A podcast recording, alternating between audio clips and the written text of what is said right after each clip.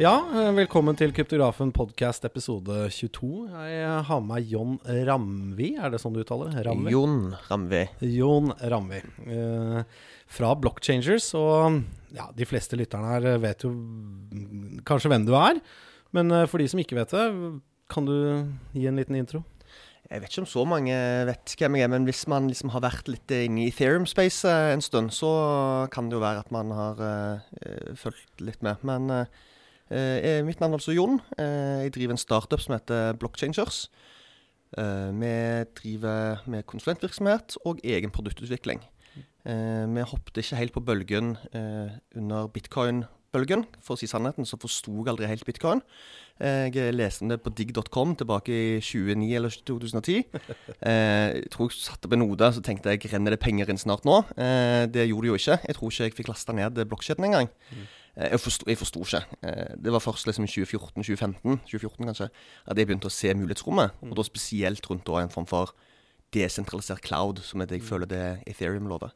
Ja. Med smartkontrakter. Så du, du, er mer på den blockchain-delen enn kryptovaluta-delen, hvis du kan kalle det det? da? Eller? Ja, så lenge jeg ikke blir putta i båsen sammen med Accenture og IBM og alle de som eh, sier blockchain, ikke bitcoin. For det er ikke det jeg mener. Jeg mener bare Ethereum, ikke bitcoin, kan du si. Nei. Så det er jo vel tre forskjellige skoler, på en måte. Mm. Da var du litt inne på det, da. Men uh, når er det liksom det store aha-øyeblikket kommer for deg når det gjelder uh, blockchains? da? På en måte, Du hadde vel et annet møte der? Var det gjennom en venn eller jobb? eller liksom et yrke? Jeg uh, drev og skrev en master på informatikk på Universitetet i Oslo. Og skrev Dette var rett etter Snowden-leaksene. Så jeg drev og skrev om er det mulig å få fordelene ved big data og big tech, f.eks. at Siri forstår mer om hva planene dine er. Og, altså Jo mer data de har, jo smartere kan de jo være men der samtidig å beholde personvernet. Og uh, leste om Made Safe og eh, Taho, LAFS, altså 1000 teknologier som kunne kanskje brukes til dette på et eller annet måte. Og så har jeg funnet tilbake til notatene mine om Ethereum. da, så jeg skriver i 2014 at uh, dette kan jo se spennende ut, men jeg vet ikke om det kanskje er dødt. Og denne Vitalik-gutten på 19 virker jo ganske smart. Uh, det var jo på ingen måte dødt, men jeg var liksom ikke i rette sirkler til å, til å være inne. Men derfra, når jeg begynte etter hvert å få opp øynene for dette, eh, så bare slapp jeg alt og satsa 100% på det. Så jeg jobbet 100% da, innenfor Ethereum Space siden 2015. Ja, det er jo ikke mange i Norge, det. Det er jo kanskje derfor du er litt eh, kjent, i hvert fall i noen av de kretsene. Ok, så, men eh, du sa det litt, det er Ethereum som er nummer én. Men er det slik at liksom har du satt deg inn i de andre protokollene og sånn, og liksom funnet ut at Ethereum er det liksom du som representerer, eller det, der du ser det største mulighetsgrunnlaget? Eller, er det, eller hvordan liksom, kom du frem til det, på en måte? Hvordan er det du vurderte det? Jeg har jo prøvd å sette meg litt inn i bitcoin. kan du si. Jeg jobbet i DNB et år. Eh, mm. og da er det vanskelig å ikke eh, være litt inne i dette med finans og mm. lære mer om det. Før så forsto ikke jeg hvordan det kunne være 2000 ansatte i DNB. Eh, hvor, hvor, vanskelig kan det være å endre en database? At jeg skal ha 100 mindre, og du skal ha 100 mer. Etter hvert som jeg da var i DNB, så så jeg det og forsto mer forskjell. Sant? Vi snakker sånn Hva er penger, og hva er sentralbank? Jeg, jeg, jeg visste ikke disse tingene. Jeg brydde meg ikke om disse tingene, kan du si. Eh, som mye av det bitcoin-miljøet har brydd seg mye om. da, sant? Eh, mhm. Hva, hvem er det som kan trykke penger, inflasjonen og sånn. Um, ja, for de er veldig på en måte sånn De mener noe om monetær politikk, og er, de ønsker jo å være penger, mens Ethereum prøver på en måte å løse oppgaver, da, slik jeg ser det kanskje. Og Det er jo derfor disse desentraliserte finansproduktene som først og fremst kommer på Ethereum, da. Ja, nei, men eh, det er Men greit, da går vi over til det du kanskje bruker mest av tiden din på. Uh, blockchangers. Når er det startet, og hva, hva, liksom, måte, hva gjør dere? Eh, det ble starta i 2015, men da som et AS som mer eller mindre var et enkeltmannsforetak. Eh, det var da jeg var inne hos DNB. Eh, vi gjorde oppdrag for Bisnode og forskjellige andre. Eh, veldig eh, si, Det lengste liksom, du kommer inn, dypt inn. I DNB så var det utvikling faktisk da, på aksjer og bok på blokkjein, men ellers var det mye workshops og eh, læring. foredrag eh, osv. Så, så i 2017 Eh, så vokste vi til tre. Og derfra har vi vokst opp til ni. For å bli slått tilbake igjen til fire. Eh, så det har vært en ganske vond reise nå siste halvåret.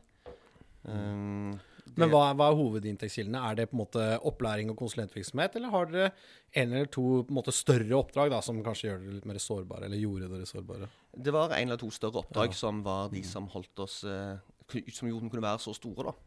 Eh, og så ble jeg så forbausa over at denne kryptovinteren traff oss ikke i fjor. Var, altså Oslo Blockchain Day i fjor, som vi eh, organiserer her i Oslo, en konferanse med 300 personer, den var mest vellykka noensinne i fjor. Eh, og så, og det var liksom Kryptomarkedet hadde kollapsa totalt. Eh, vi hadde vår første kjempestore kunde med Obos og laget en stor løsning for dem. Eh, og så tenkte jeg så flott at vi ikke berøres av kryptovinteren. Eh, så et år seinere så slår det oss i fjeset. Eh, det, vi har ikke funnet ut noe som, noe som noen andre ikke har funnet ut. Eh, og eh, vi mista oppdrag, og vi måtte rett og slett redusere staben. Så det har vært en ganske tung prosess. Ja, altså Uten å gå inn på altså, akkurat dere og økonomi der, hvis vi snakker litt mer generelt, da, tror du liksom de st- store sånne corpus, da, som f.eks. Obos, har de liksom begynt å miste litt interessen for det, eller er det ikke så hyperaktuelt? Eller så de noen begrensninger som gjorde at de trakk seg tilbake, eller liksom, kan vi snakke litt eh, på en måte Ja, jeg vil ikke Filosofisk om Obos, eh, Nei, altså ikke om Obis, men ta det som et eksempel på Ja. større selskaper. Da, for vi Ja. vet jo at liksom, DNB har jo puttet ressurser i det. Liksom, vi vet jo at mange store har tenkt på det. Vi vet at Norwegian nå skal inn og gjøre det. Liksom, det var bare om du merker noe på appetitten der ute. Kan vi kalle det sånn generelt sett? Det jeg har lagt merke til, er at eh, selv om det høres rart ut, så Mm. bryr man seg om bitcoin-prisen. Eh, sånn at mm. selv om det å sette opp en private Ethereum-chain for Mm. Ikke har noen ting med bitcoin-prisen å gjøre, så er det sånn at når bitcoin var på 20 000 dollar, Mm. så var alle lederne rundt på konferanser rundt omkring i verden og fikk høre at eh, hvis dere ikke har en blokkjein-strategi, så er dere behind. Dere må skjerpe dere. eh, Og alle ble ledd av hvis de ikke hadde noe. Og folk sto på dørene hos oss og bankte på og ville kjøpe tjenester. Så falt prisen til eh, en tiendedel av det den var. Og eh, interessen for blokkjede falt sammen med det, rett og slett. De som ikke hadde gjort noe, kunne si ha-ha, hva var det jeg sa? Der har vi spart penger. Eh, de som har gjort noe, var litt sånn eh, eh, De følte kanskje de hadde investert pengene sine litt feil i forhold til Så rett og slett prisen eh, som eh, Prisen på bitcoin styrer interessen 100 virker det som. Men det blir jo det er, det er jo på en måte kanskje en temperaturmåler, da, selv om man tror det på det ikke. Så hvis du som stort selskap skal liksom ta i bruk noe som liksom ligger på den banehalvdelen i noen form og farge, så er det kanskje Du vil jo at det skal stå i avisene For at kundene skal begynne å bruke det, så vil du liksom på en måte ha, være i den hypen, kanskje. I, hva vet jeg, jeg har ikke, ikke snakket med noen større om akkurat det. Men um, kan du snakke litt om Brønnøysund? da? Dere gjorde nettopp et prosjekt eh, med de. Uh, jeg leste jo at dere fikk oppdraget, men så plutselig leverte dere. Så det var litt gøy. men eh, ja, hva var det? Det var, eh, og det kan jeg jo si jeg merker at kundene våre eh, er større og eh, smartere på en måte. Altså Man vet mer nå om hva som er styrken til blokkjede, og hva som er svakhetene. Allerede på vei inn i første møte så vet de kanskje forskjellen på private og public osv. Eh, og det merket vi veldig med Brønnøysundregistrene. De hadde gode ideer på hvordan blokkjede kunne skape verdi for dem.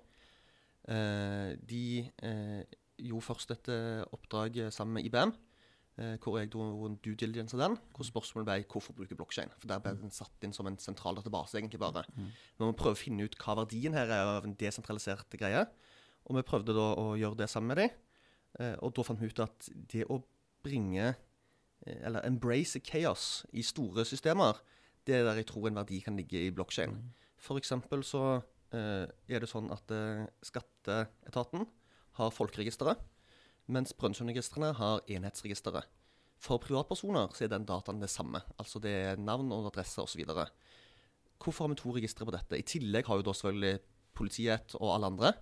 Hvis man kan begynne å se for seg at et register er noe man jobber på sammen, eh, og private aktører og offentlige aktører kan eh, jobbe sammen på disse greiene, så kan du altså få registre som eh, ekspanderer, får ny funksjonalitet osv. Og, så videre, og eh, man kan da Istedenfor å ha satt opp disse falske barrierene for å gjøre det overkommelig. Du så at Nav f.eks. Eh, på dette var det 13 milliarder-prosjektet, IT-prosjektet, bare måtte legge ned etter hvert. Så finner man ut det at det å kartlegge alt for så å lage det i en det, waterfall-modell, det blir for dyrt, det blir vanskelig. De måtte bare avbryte hele prosjektet etter 13 millioner var brukt. Og samtidig så gir det ikke mening å gjøre lean agile sprint for, for skatteetaten. Altså, hva vil det si? Eh, hvis det ikke snakker med alle systemene, så er det bare eh, å- Ja. Det gir mer mening for en liten startup som har et lite prosjekt. Og da tror jeg en tredje retning er embrace chaos. Hva hvis du bare lager en liten kjerne, sender aksjer, sånn som for, for Brønnøysundregistrene, ha en identitet koblet til dette, og så kan Monner lage en eh, crowdfunding-løsning oppå der. DNB kan koble seg på og gjøre ting inn i banken sin, eller ta pant i aksjene osv. Og, så og så kan vi begynne å, å ha et økosystem sammen. Eh, og eh, Hagen luker seg sjøl, kan du si. Ja. ja. men Da var du inne på akkurat det vi skal snakke om i neste runde nå. Det er uh, ID. Uh, det er litt sånn artig at uh, i Norge så har liksom standarden for ID blitt et privat selskap. på en måte, Bank-ID. Mens staten Norge har jo ID-portalen.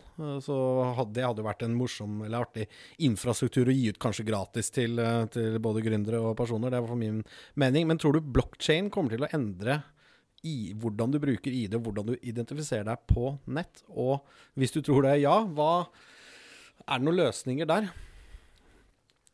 Det er et stort spørsmål. Eh, Nå løper vi jo rundt med masse passord. I Norge så er det utbrutt med bank-ID. Det er greit, da får du liksom identifisert deg der. Men det må vel finnes løsninger på blokkjede der man, der man har en eh, som representerer deg på en god måte, eller kanskje da på en måte graderer hva, hva slags informasjon den gir ut til hver, mm. hver brukertilfelle. da. For Spørsmålet er jo hva snakker man om. Er det ID? Er det autentisering? Er det autorisering osv.? Tilgangskontroll. Eh, for ID altså det, ja, det må jo være identitet, at du er identifisert. Da. Det er jo det bank-ID gjør. ikke sant? Ja. Der er det, Den har akkurat nok sikkerhet til at hvis du identifiserer deg med bank-ID, så er det så gylne som signatur, f.eks. Ja. Eller liksom, det er på linje med å identifisere seg med pass. Ja. Uh, kan det komme på en blokkjede i en annen forhold? Da må du selvfølgelig da ha tilgang til din vanlige private keys og den greia. Du må jo gjøre det på den måten der. Men, men, det vil jo kanskje man kan oppstå en global global ID-løsning. Jeg vet ikke. Jeg tror ja. kanskje ikke det. Altså, kan du si, jeg tror den eh, måten å gjøre det på, med at noen har gått god for deg som en mm. sentral entitet, mm. bank-ID her, om de flytter sitt til blokkjede og gjør det mm. enklere å autentisere seg osv., kjempeflott. Mm. Men at For det alternativet er en form for web of trust, hvor du sier at mm. hvis de sier det, så sier de det òg, og da kan vi begynne å tro. Mm. Da får vi bare et visst nivå på kvaliteten, mm. tror jeg. Og det tror jeg kan fungere kjempebra for masse datapunkter. Mm. Men akkurat det spørsmålet som er er Rikard Rikard, mm. Det spørsmålet er det best at en sentral, kanskje en stat, sier ja, det er riktig. Eh, og så kan du godt si ja, men Vegvesenet sier òg at han er Rikard. Ja, flott, det gir bare ekstra granularitet til mm. det. Men jeg vet ikke om jeg ville stå på ett datapunkt alene. Hvis liksom Circle K medlemsklubb sier at mitt navn er Jon, Ja. er det godt nok til å tro på det? Nei.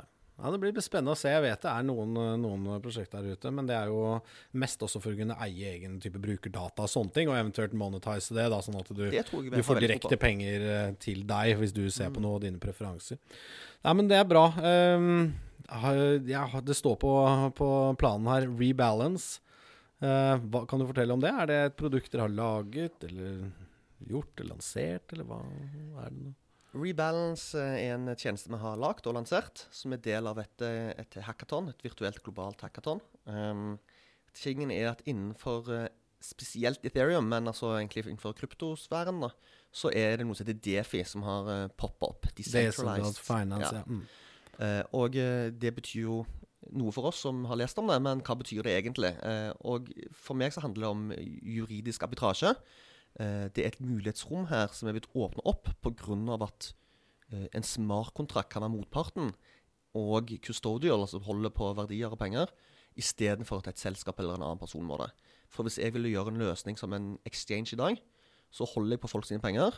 Jeg eh, bruker identiteten deres, og jeg må, jeg, må mm. anti-money laundering, du har KYC.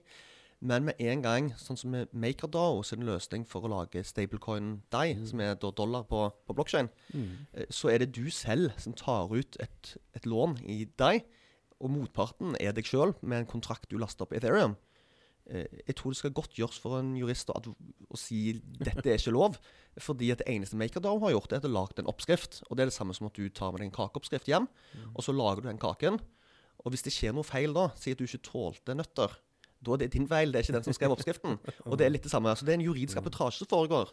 Uh, og det vi har sett med open source, er at først var det bare programvare som var open source og ble utvikla på den måten. Så fikk vi tjenester, f.eks. Wikipedia, uh, som utvikles på, på samme måte. Uh, og så har det stagnert litt der. Mens med Defi så ser vi det samme kan skje innenfor finansielle tjenester, og kanskje videre, det vet vi ikke ennå. hvor det da er sånn at du kan gå hjem og lage deg en ny bankløsning, mm. eller du er ikke en bank, da, men altså en finansløsning, og lansere den til verden. Og slippe å gå i fengsel, og folk kan ha tillit til koden så lenge de kan lese den. da, For den mm. gjør det den skal. Og da begynner mange nye spennende prosjekter å dukke opp. Så Read Balance forsøker å være et form for dashbord til alle disse tjenestene.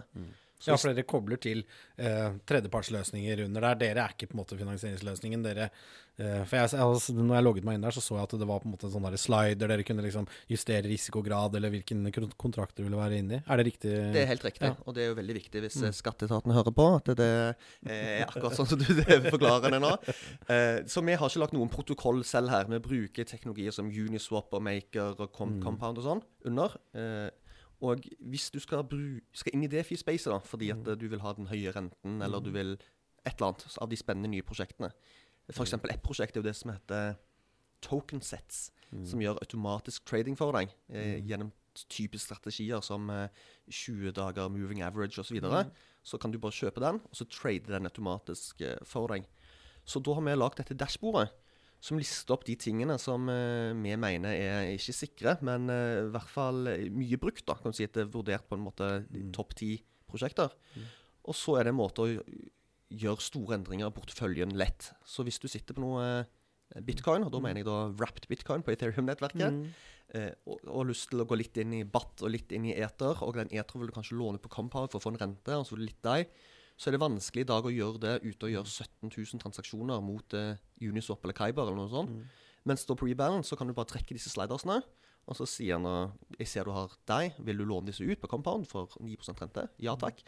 Eh, så trykk på én knapp, og så skjer alt dette med én transaksjon. Og det er på en måte magien. Det er bare at det er ett punkt og én transaksjon istedenfor flere. Å, det høres veldig bra ut. Og den finnes på rebalance.to. Ja. Rebalance2, og så da må du velge hvor du skal gå hen. Men eh, ja, nei, jeg ser at eh, klokken går mot slutten her nå. Jeg syns dette var en veldig fin introduksjon av både deg. Vi ønsket jo på en måte å presentere deg til våre lyttere. Eh, hvor treffer man deg på Twitter, f.eks.? Twitter-handle? På Twitter er jeg Jon Ramvi i Ja. ord. Ja. På mail er jon.blockchangers.com. Jon. Og oss kan dere nå på post at kruttbiografen.no. Eh, vi er tilbake neste uke med en ny episode, og da høres vi. Takk.